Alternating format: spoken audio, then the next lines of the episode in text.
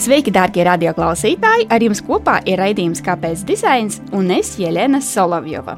Aprīļa nogalē galvaspilsētas parkos un atpūtas vietās tika atklāti seši jauni dzeramā ūdens brīvkrāni.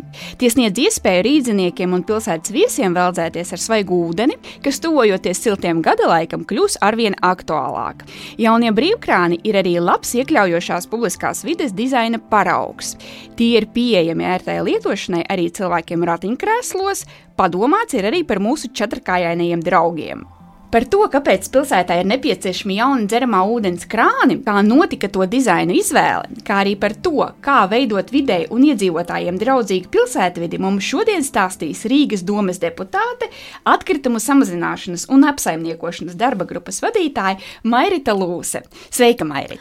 Labrīt! Izstāsti mums, lūdzu, kā tad radās ideja par brīvkrāniem Rīgas publiskajā telpā? Kāpēc tie mums ir nepieciešami?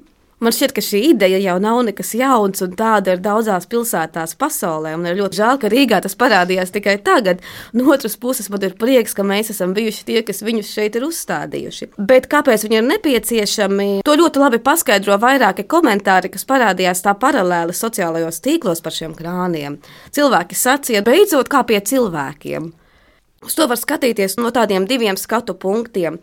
Pirmkārt, tas ir ļoti cilvēcīgi iedot kādam padzērties. Ja kāds pie mums atnāk ciemos, mēs viņam piedāvājam ūdeni, un arī mums kā pilsētā ir tāds prieks un gods gan viesiem, gan vienkārši tiem, kas izbauda mūsu parkus, piedāvāt viņiem šo dzeramo ūdeni.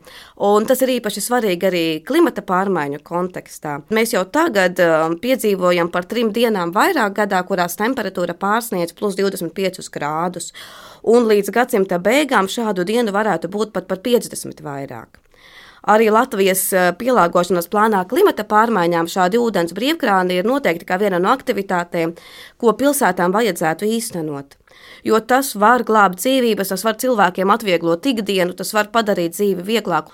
Un no otras puses, tā ir tāda zīme pie cilvēkiem, ko mēs redzam kā tādu sabiedrības normu. Joprojām ir biroji vai vietas, kur ūdens pasniegšanu kā pie cilvēkiem uzskata pasniegt ūdeni plasmasas pudelēs vai stikla pudelēs. Bet nu, mēs kā pilsēta sakam, ka ne ūdens kā pie cilvēkiem ir šis mūsu krāna ūdens, kurš atbilst visām kvalitātes prasībām.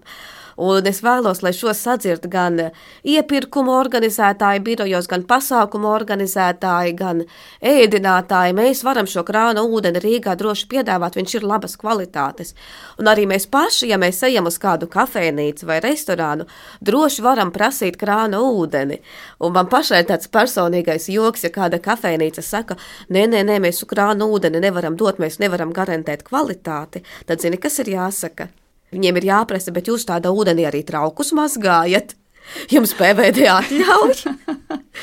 un realitāte ir tāda, ka visās šajās kafejnīcās tiek veiktas šīs ūdens pārbaudes, un ūdens mums ir kafejnīcās labas kvalitātes. Arī mājās mēs paši viņu varam iztestēt, nosūtīt paraugus Rīgas ūdenim un saņemt atzinumu, ka šis ūdens ir labs. Stāsti mums, lūdzu, kurās vietās šobrīd šie jaunie seši krāni atrodas? Tas ir Vērmanis dārzs, Esplanāde, Sporta laukumiņš Barona ielā, Zeguškalnā kuru es aizmirsu pie zoodārza arī. Kā jūs izvēlējāties, kurās vietās būt šiem jauniem krāniem? Nu, šeit sākas tāda ļoti sarežģīta spēle starp vēlmēm un iespējām. Lai izvietotu brīvkrānu, ir jāņem vērā vairāki faktori. Pirmkārt, ir jābūt infrastruktūrai, lai Rīgas ūdens varētu šiem krāniem ūdeni arī piegādāt. Mēs viņus nevaram uzlikt, kur vien mums ienāk prātā. Un tad nākamais punkts būtu tas, ka ir jābūt kādam, kas par šo ūdeni maksā. Latvijā ir tāda institūcija, sauksim viņu vienkārši par regulātoru, kas ir noteikusi, ka Rīgas ūdens nedrīkst dot ūdeni bez maksas.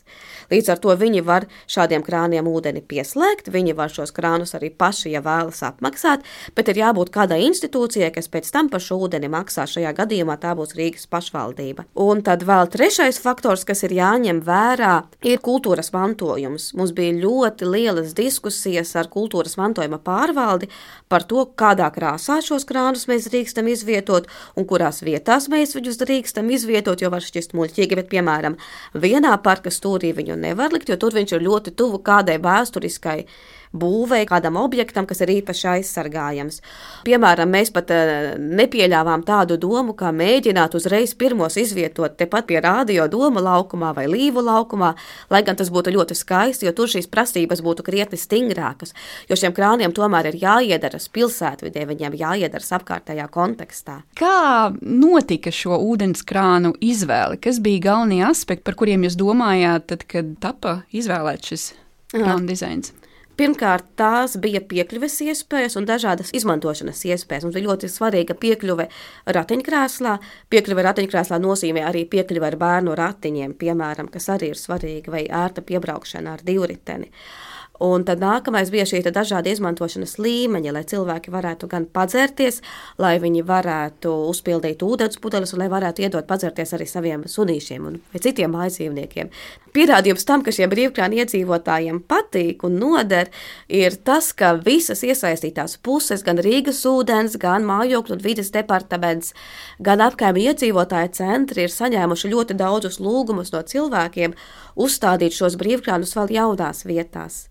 Tad nu, mēs arī mēģinām apkopot šīs visas vietas, lai saprastu, kur šie krāni ir svarīgi, kur cilvēki viņus visvairāk vēlas, lai nākotnē viņu skaitu varētu papildināt. Tāpēc arī lūgums cilvēkiem, ja viņi redz sev netālu no mājām, vai vienkārši vietā, kur viņi bieži ikdienā izmanto nepieciešamību pēc šādas ūdens uzpildes vietas, droši rakstiet savam apkaimē iedzīvotāju centram un dodiet ziņu, lai šīs vietas arī tiktu iekļautas potenciālajā, ideālajā ūdenskrānu kartē. Bet kā tad ir ar šī brīža krāniem? Jūs sekojat līdzi, vai pilsētas iedzīvotāji tos jau lieto, un, un cik daudz tas lietošanas moments šobrīd ir? Mm. Nu, mums būs ļoti labs veids, kā sekot līdzi. Mēs sekosim līdzi ūdens patēriņam. Pagājis ļoti īss laiks, un vienīgie dati manējie ir diezgan subjektīvi, kad es braucu garām vai eju garām šiem brīvkrātiem. Es skatos, kas tur notiek. Nu, viņi tiek izmantoti. Viskaistākais bija, kad pirmajā vakarā kādas piecas vārnas bija sapulcējušās un cītīgi pētīja, kas tas ir un kā viņām tas var noderēt. Kāpēc dizains?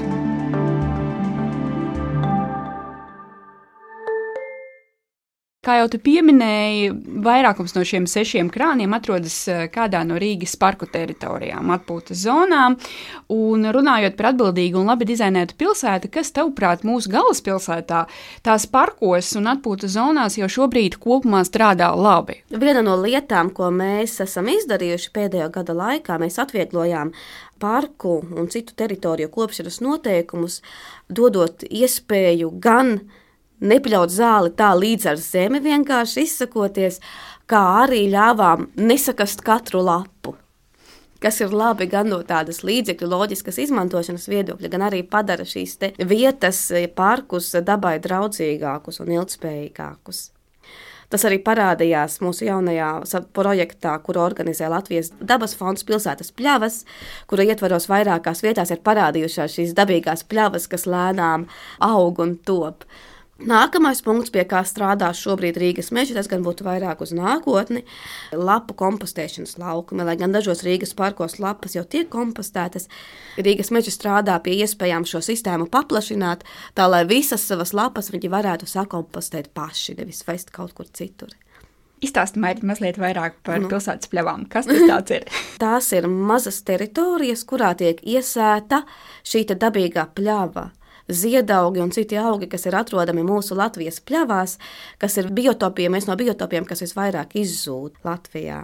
Un tā ir tāda iespēja gan cilvēkiem parādīt, kā šī dabīgā pļava varētu izskatīties, gan arī viņu nedaudz tā iztestēt pilsētvidē, saprast, kas darbojas, kas nedarbojas, gan arī kaut vai dot vietu, kur kādai bitei, mums taču galu galā arī rātslaukumā ir uh, bites, uh, šīs te puķītes izmantot. Un kas tavprāt mums vēl ir jāuzlabo, lai mūsu parku vidē būtu ērtāk mums pašiem, gan arī ilgspējīgāka videi? Viena no lietām, kas parādījās pēdējo nedēļu laikā, tās ir brīvā laika atpūtas iespējas bērniem, tas būtu spēļu laukumiņi.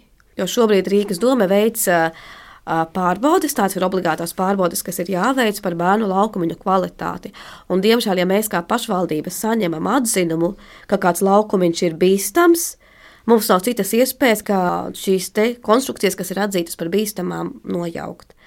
Un tad sākas spēle ar to, cik daudz mēs kā pašvaldība varam uzlikt šos laukumus atpakaļ. Bet nu, tā būtu tēma, pie kuras būtu jāstrādā, lai Rīgā būtu vairāk šādu bērnu laukumu.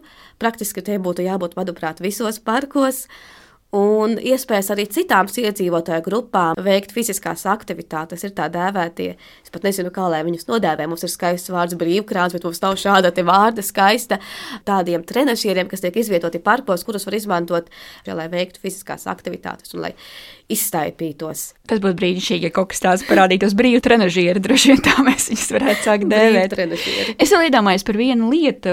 Nesen mums bija arī raidījums par miskastēm un par atkritumu urnām. Arī tostarp jā, Rīgas publiskajās vietās. Es maigi gribēju tev jautāt, kā ir ar šo jautājumu. Jo es kā pilsētnieks iedzīvotājs novēroju, ka no rītiem ejot cauri mūsu skaistajiem parkiem, tie atkritumi mums tur ir diezgan daudz tieši tāpēc, ka acīm redzot, urnas varētu būt labāk noturīgas pret mūsu jau pieminētajām gudrajām pilsētas vārnām. Varbūt kāds komentārs arī par šo, par plāniem. Jā, mums ir tāda atkritu burbuļu fadu grupa, kur mēs regulāri apmainamies ar sūtam viens otram urnu bildes, ko mēs redzam dažādās pilsētās ceļojot, lai saprastu, kuras tas būtu Rīgai visērtākās. Pie šī jautājuma tiek strādāts, lai mums būtu urnas tieši parkiem kas noderētu tieši šiem gadījumiem, lai cilvēki varētu savus atkritumus izmest un lai uh, vārnas vai kājas tiem nevarētu piekļūt. Uh, Šeit gan parādās vairāki jautājumi, piemēram, vai šādos konteineros būtu jānodrošina atkritumu dalītās vākšanas iespējas. Vai no šiem atkritumiem, ko mēs parkos radām, vai šī pārsādājumā frakcija ir pietiekami liela, lai būtu jēdzīgi viņu vākt atsevišķi. Ja mēs paskatāmies, piemēram, vienreizlietojamās krūzītes, mums neva, mēs nedrīkstam šķirot, un ēdiena iepakojumus līdzņemšanai arī lielāko daļu nedrīkst šķirot līdz ar to. Nu, Cik tad mēs tajos parkos varam sašķirot? Šeit varētu iet arī solīti tālāk un skatīties uz to, kādi ir šie atkritumi, ko mēs parkos radām, un ko mēs varētu darīt, lai viņu būtu mazāk. Nu, es redzēju pirms pāris dienām ziņu, ka Burger King, un mēs šeit nerunājam par mazo kafejnīcu piemājas uh, iniciatīvu, bet par Burger King ķēdi, kas vairākās vietās testē atkārtot izmantojamos uh, traukus. Nu, ja mēs aizējām uz Basteikalnu, man šķiet nav jāsaka uzņēmums, mēs visi zinām, kur uzņēmuma traukus mēs atradīsim Basteikalna parkā. Tad nu, reizēm būtu jādomā par to, kā mēs varētu veicināt šīs atkārtot izmantojamās kafijas krūzītes, atkārtot izmantojamās ēdienu iepakojumus līdzņemšanai, lai šo urnu būtu mazāk, lai viņas būtu tukšākas. Parunāsim nedaudz arī par nākotni, jo tu jā. pieminēji, jā, ka mūs uh, pilnīgi noteikti sagaida pārmaiņas klimata saistībā, un ja kopumā urbānā vide pilsēta kā tāda nepārtraukti mainās, attīstās un pielāgojas dažādiem apstākļiem. Kas, tavuprāt, ir svarīgākie nākotnes izaicinājumi, ar kuriem saskarsies Rīgas un Latvijas pilsētas, un kas mums būtu jādara, kā jāgatavojas tiem varbūt jau šobrīd? Nu, viena tēma, kuru es nevēršu vaļā, jo tā noteikti ir tik liela, ka par to varētu runāt man šķiet kādas trīs četras reizes, un tā viss netiktu izrunāts, tā būtu satiksme. Skatoties no klimatu pārmaiņa viedokļa, vislielākie notikumi pirmkārt būs šie karstuma viļņi un karstums. Un pilsētā ir jādomā, kā pasargāt iedzīvotājus no šādiem karstuma viļņiem, piemēram, stādot kokus, uzstādot šādus brīvkrānus, un par to ir jādomā visās instalācijās. Viens no Rīgas pilsētā piemēriem, ka šis nedarbojas tik labi, ir šis Barona ielas spēļu laukumiņš kuram nav nekāda seguma, līdz ar to karstās vasaras dienās viņš ir praktiski neizmantojams. Tur jābūt ļoti drosmīgam, lai, lai iet un viņā spēlētos. Otrs aspekts ir eh, plūdi un lietus. Par to arī pilsētā ir jādomā. Un jādomā, kā sakārtot savu ūdens noteku sistēmu un kā rīkoties, lai pilsētā neaplūst stipru lietuvu gadījumā, jo tās arī pastiprināsies. Tad, skatoties uz tādām lietām, kā piemēram populācijas struktūra, ir skaidri redzams, ka sabiedrība noveco, un tam mums arī ir jāpielāgojas, piemēram, uzstādot vairāk soliņu, kas nodara ne tikai tiem cilvēkiem, kuri ir vecāka gadu gājuma, bet jebkuram, kuram, piemēram, sāp kājas, mugura, vai kurš vienkārši ir piekusis, vai kurš vienkārši vēlas apsēsties un izbaudīt.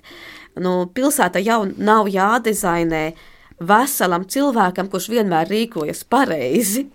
Pilsēta ir jādizainē tādam reālam cilvēkam, kuram ir dažādas dienas un dažādas dzīves situācijas. Tas, ko mēs šobrīd darām, mēs strādājam pie vienotiem risinājumiem tādām lietām, kas ir nepieciešamas pagalmu kontekstos. Piemēram, atkritumu novietņu vienotam dizainam, riteņu novietu saskaņošanas, tādu vienotu dizainu arī mēģinam izstrādāt. Bet šeit parādās cita problēma, tieši skatoties uz šo kvartālu kontekstu Rīgā. Privatizācijas procesa laikā visa zeme tika sadalīta pa konkrētām mājām. Un, ja mēs mēģinām atjaunot kādu teritoriju, To nevar izdarīt viena māja. Viņai būtu jāskatās uz visu kvartālu, jo, ja es kā māja no saviem līdzekļiem, piemēram, uzstādu spēļu laukumiņu, vai es būšu priecīgs par to, ka tagad no citām mājām visi nāks un uz manu spēļu laukumiņu spēlēties un viņu izmantos, ja tas ir uzcelts par maniem līdzekļiem. Tas var radīt konfliktus māju starpā, līdz ar to mēs meklējam risinājumus kā uzrunāt visas mājas, lai viņas kopīgi izstrādātu plānu, kas tad ir tas skatījums, ko viņi vēlas redzēt savā pagalmā un ko kura var un grib uzņemties. Tas izklausās pēc viena sarežģīta uzdevuma. tas ir sarežģīts uzdevums. Bieži vien tas, kas izskatās vienkārši, patiesībā ir ļoti sarežģīti. Arī tie brīvkādi šķiet, nu kas tad tur patiesībā bija diezgan garš un smags process, kurš nākotnē noteikti būs vieglāks. Un arī mums arī vairākas pašvaldības jau ir lūgušas padomu un kontaktus, lai tieši izprastu šo procesu, kas ir tas labākais veids, kā izvēlēties vietas un kā šos krānus saskaņot un kā viņus uzstādīt. Burvīgi Mērķi padalījies ar vairākām pārdomām, kas skar nu, tādu mazliet plašāku nākotni. Varbūt ir kaut kas, ar ko tu gribētu padalīties, kas mūs sagaida tuvāk, piemēram, šogad, lai mūsu vide būtu kā pie cilvēkiem. Jā, kā pie cilvēkiem. Viens no mūsu šī gada lielajiem sasniegumiem, un tieši atkritumu jomā, vienots šķirošanas standarts visai Rīgai. Jo Rīga ir sadalīta četrās atkrituma apsaimniekošanas zonās, un tās apsaimnieko trīs atkrituma apsaimniekotāji, un katrs no viņiem izmanto nedaudz atšķirīgas instrukcijas. Varbūt pat tā doma ir tā pati, bet viņa ir pateikta citos vārdos, varbūt tur ir nelielas atšķirības. Un tas, ko mēs kā pašvaldība izdarījām, mēs apsēdāmies pie galda ar visiem šiem trim atkritumu apsaimniekotājiem un nonācām pie vienota šķirošanas standarta, kas ļauj gan iedzīvotājiem vieglāk saprast, ko tad īsti var šķirot, jo es kā iedzīvotājs parastais atveru savus sociālos tīklus un ieraugu tur vienu atkritumu apsaimniekotāju reklāmu un otru atkritumu apsaimniekotāju reklāmu. Nu, lielākajā daļā gadījumā es nezināšu, kurš tad ir tas manējais. Arī māju apsaimniekotājiem tas dod iespēju komunicēt labāk. Piemēram, RNP sūdzējās, ka viņiem ir ļoti grūti runāt par atkritumu apsaimniekošanu, jo viņiem nav šāda vienota materiāla ja viņi vēlas to izplatīt saviem klientiem, viņi nedrīkst izplatīt cita atkrituma apsaimniekotāja materiālus cita atkrituma apsaimniekotāja zonā jo tie neatbilst realitātei. Un tad nu, tagad mums ir skaists vienots šķirošanas standarts, ko var izmantot visi, un mēs esam skaidri pateikuši, ko tad Rīgā drīkst un nedrīkst šķirot. Kā tas mērķis reāli nonāks līdz uh, pilsētas iedzīvotājiem? To varēs kaut kur atrast, tas būs kaut kur publicēts. Jā, tas būs publicēts uh, sociālos tīklos, uh, mājaslapās, piemēram, Rīgas nama pārvaldnieka klienti. Ja viņi paskatīsies uz saviem šī mēneša rēķiniem, viņi atradīs QR kodu, kas viņus pie šī šķirošanas standarta aizvedīs. Tad vēl nākamais punkts ir tāds, ka mēs mūsu saistošajos noteikumos esam iekļāvuši pienākumu māju apsaimniekotājiem divas reizes gadā, vismaz divas reizes gadā, informēt savus iedzīvotājus par pareizu atkritumu dalīto vākšanu. Līdz ar to šis materiāls būs pieejams visiem māju apsaimniekotājiem, gan infografika, ko var izprintēt un uzlikt mājas kāpņu telpā, gan arī buklets, kuru var vai nu nosūtīt saiti, vai arī izprintēt un iedot savas mājas iedzīvotājiem. Es ļoti daudz esmu runājis par iepakojumu šķirošanu. Es teiktu, ka krietni vieglāk ir izskaidrot, ko var šķirot bioloģiski noārdāmu atkritumu konteinerā. Nu, tur tu vari met visu, ko var apēst tava govs vai tu pats. Praktiski viss, ko tu radi virtuvē, visi virtuves atkritumi, puķis un ziedi. Uh, Iepakojuma konteinerā, un šeit es vēlos uzsvērt šo vārdu iepakojums. Tas nav plasmasas konteiners, zeltainais, tas ir iepakojuma konteiners. Šajā konteinerā mēs varam mest visu plasmasas iepakojumu, kā arī papīru, kartonu un metāla iepakojumu. Šis mums arī ir tāds garais stāsts par to, kā šo zeltaino konteineru īsti dēvēt. Es, es jau esmu atmetusi ro, ar roku un esmu gatava nosaukt viņu kādā vīrieša vārdā vai sievietes vārdā, lai pastāvētu dzimumu līdztiesība. Es nezinu, tur Kārlis vai, vai kāds cits vārds, jo mēs esam burtiski pavadījuši stundas runājot par to, kā šo konteineru nodēvēt. Tas nav iepakojuma konteiners, jo mēs viņā metam ne tikai iepakojumu, un stikla iepakojumu mēs metam citā konteinerā. Tas noteikti nav plasmasas konteiners, jo šis ir viens no lielajiem punktiem, ko mēs katrā komunikācijā vēlamies uzsvērt. Tas nav plasmasas konteiners. Viņā nevar mest rotaļlietas, viņā nevar mest zobu birstes, viņā var mest plasmasas iepakojumu.